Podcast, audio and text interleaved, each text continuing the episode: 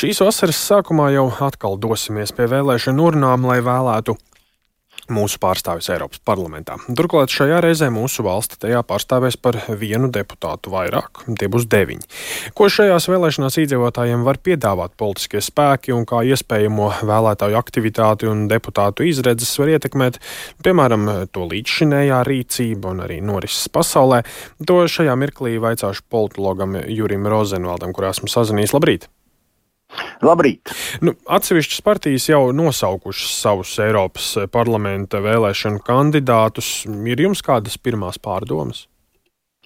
Nu, man liekas, ka pirmais rezultāts, eh, ko var jau, jau konstatēt, ir tas, ka vēlēšanas solās būt interesantas. Interesants tādā ziņā, eh, ka nu, būs eh, teikt, cīņa Eh, diezgan asa eh, visos saka, politiskā spektra fragmentos.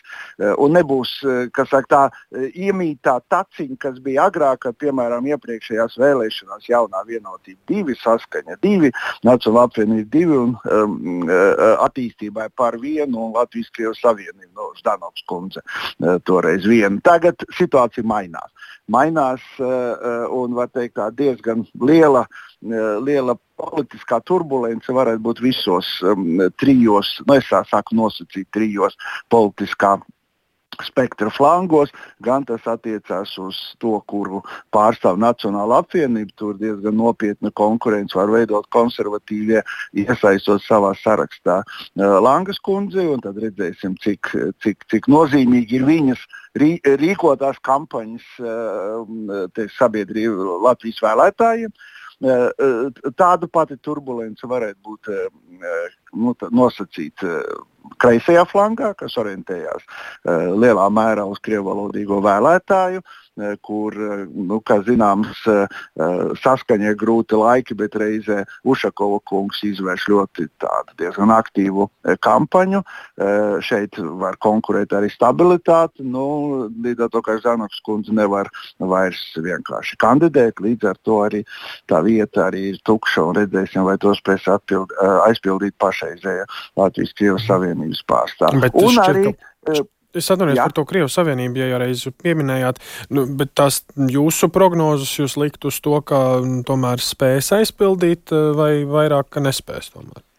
Nu, eh, protams, eh, nu, teiksim, pašreiz tā kā saraksts līderi viņi izvedīja Rīkundzi, nu, man, man liekas, to grūti salīdzināt uh, ar Ždanokas, kaut arī nu, Ždanokas tādu popularitāti noteiktā sabiedrības, noteiktā vēlētāja daļā.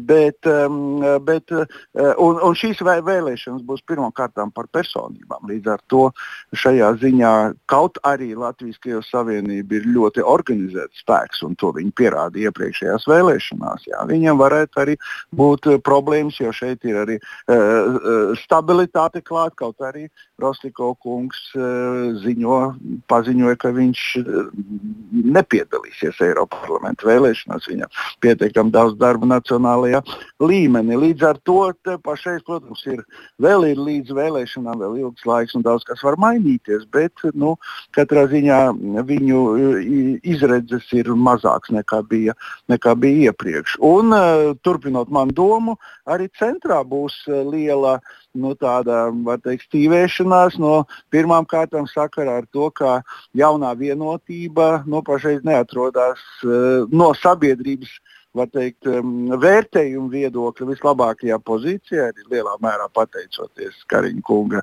lidojumiem. Un līdz ar to, protams, man liekas, nav runa par to, ka viņi varētu atkārtot 2014. gada panākumu, kad uh, ieguva nu, gandrīz pusi uh, balsu. Uh, nu, nu, man liekas, labi būtu, ja viņi atkārtotu uh, 19. gada sasniegumu ar diviem mandātiem, mm -hmm. bet, nu, protams, laiki var mainīties vēl. Turklāt viņiem ir lielākas iespējas uh, nu, saka, sabiedrību uzrunāt, nu, ņemot vērā uh, saka, varas pozīcijas, mm -hmm. ņemot vērā to, ka objektīvi vienkārši premjerministrs un citi partijas pārstāvji ir uh, vēlētājiem acu priekšā. Jā, nu, ja reiz uh, sākām par jauno vienotību kā varas partiju, nu, tad uh, vēlos to paturpināt. Jaunā vienotība ir arī teikusi, nu, ka veidojot šo sarakstu Eiropas parlamenta vēlēšanām, viņi ņems vērā sabiedriskās domas aptaujas. Ja mēs to ņemam vērā un ja tā ir, nu, minot šo privāto lidojumu skandālu, piemēram, Kariņam, tas sabiedrību nokaitināja. Varētu varbūt pat gadīties, ka Kariņš nemaz neiztur šo atlases sietu. Tas varētu būt šajā ziņā nu, tāda liels jaunās vienotības demokrātijas, varbūt arī parāda to, ka nu, īsti pašas partijas rindās nav tādas pilnīgas vienotības. Vieno, vienotība nav tik vienota, kā, kā, kā, kā viņi gribētu. Uh, un šajā ziņā ņemsim vērā arī to, ka ir nu, milzu cīņas vienotībā. Es domāju, šeit gan Kariņu, gan Valdi Dombrovski. Ja, un, eh, un, eh, protams, tad, kad mēs runājam par Eiropas parlamentu vēlēšanām, neaizmirsīsim arī, ka ir eh, saistīts, kaut arī ne tieši saistīts jautājums, tas jautājums par Eiropas komisāru no Latvijas. Ja. Un šajā ziņā, šajā ziņā nu, patiešām būs diezgan liela stīvēšanās, kaut arī no otras puses jautājumu var atrisināt, ja mēs runājam par šiem diviem, var teikt, smagsvariem vienotībā, jautājumu var atrisināt arī tādā, tādā ziņā uz kompromisa pamatiem, kā Eirokomisāra postenis nav viennozīmīgi saistīts ar Eiropas parlamenta deputāta statusu. Ja.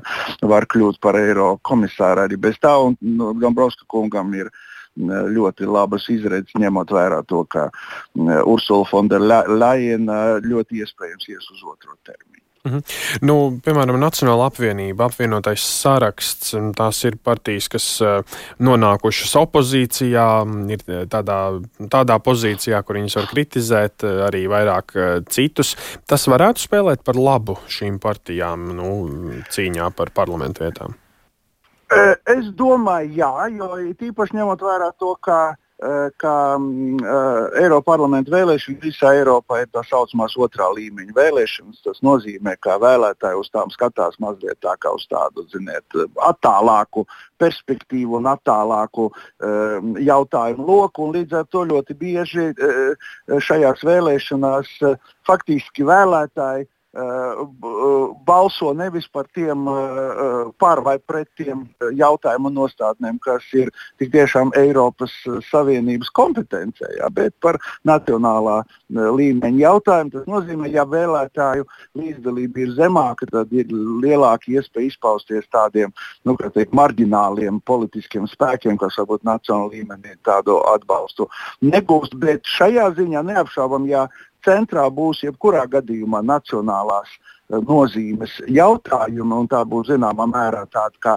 attieksmes izpausmi pret, eh, pret eh, to, to, kuriem kāda ir nacionāla politika un kuri ir pie varas, tad ļoti iespējams, jā, opozīcijai šajā ziņā vienmēr ir izdevīgāka situācija eh, nekā varas partijām, kur var norādīt uz kļūdām un teikt, nu, ko tad jūs esat tā nepareizi izdarījuši. Jā, noteikti, un kā mēs redzam, Nacionāla apvienība diezgan centīgi gatavojās mm, šīm vēlēšanām, nu, izvirzot arī tādus nu, saka, pārbaudītus eh, kandidātus, piemēram, Zīles kungu. Man, piemēram, nav līdz šai dienai skaidrs, kāpēc viņam ir 18 kandidāti vai uz 9 vietām. Ja?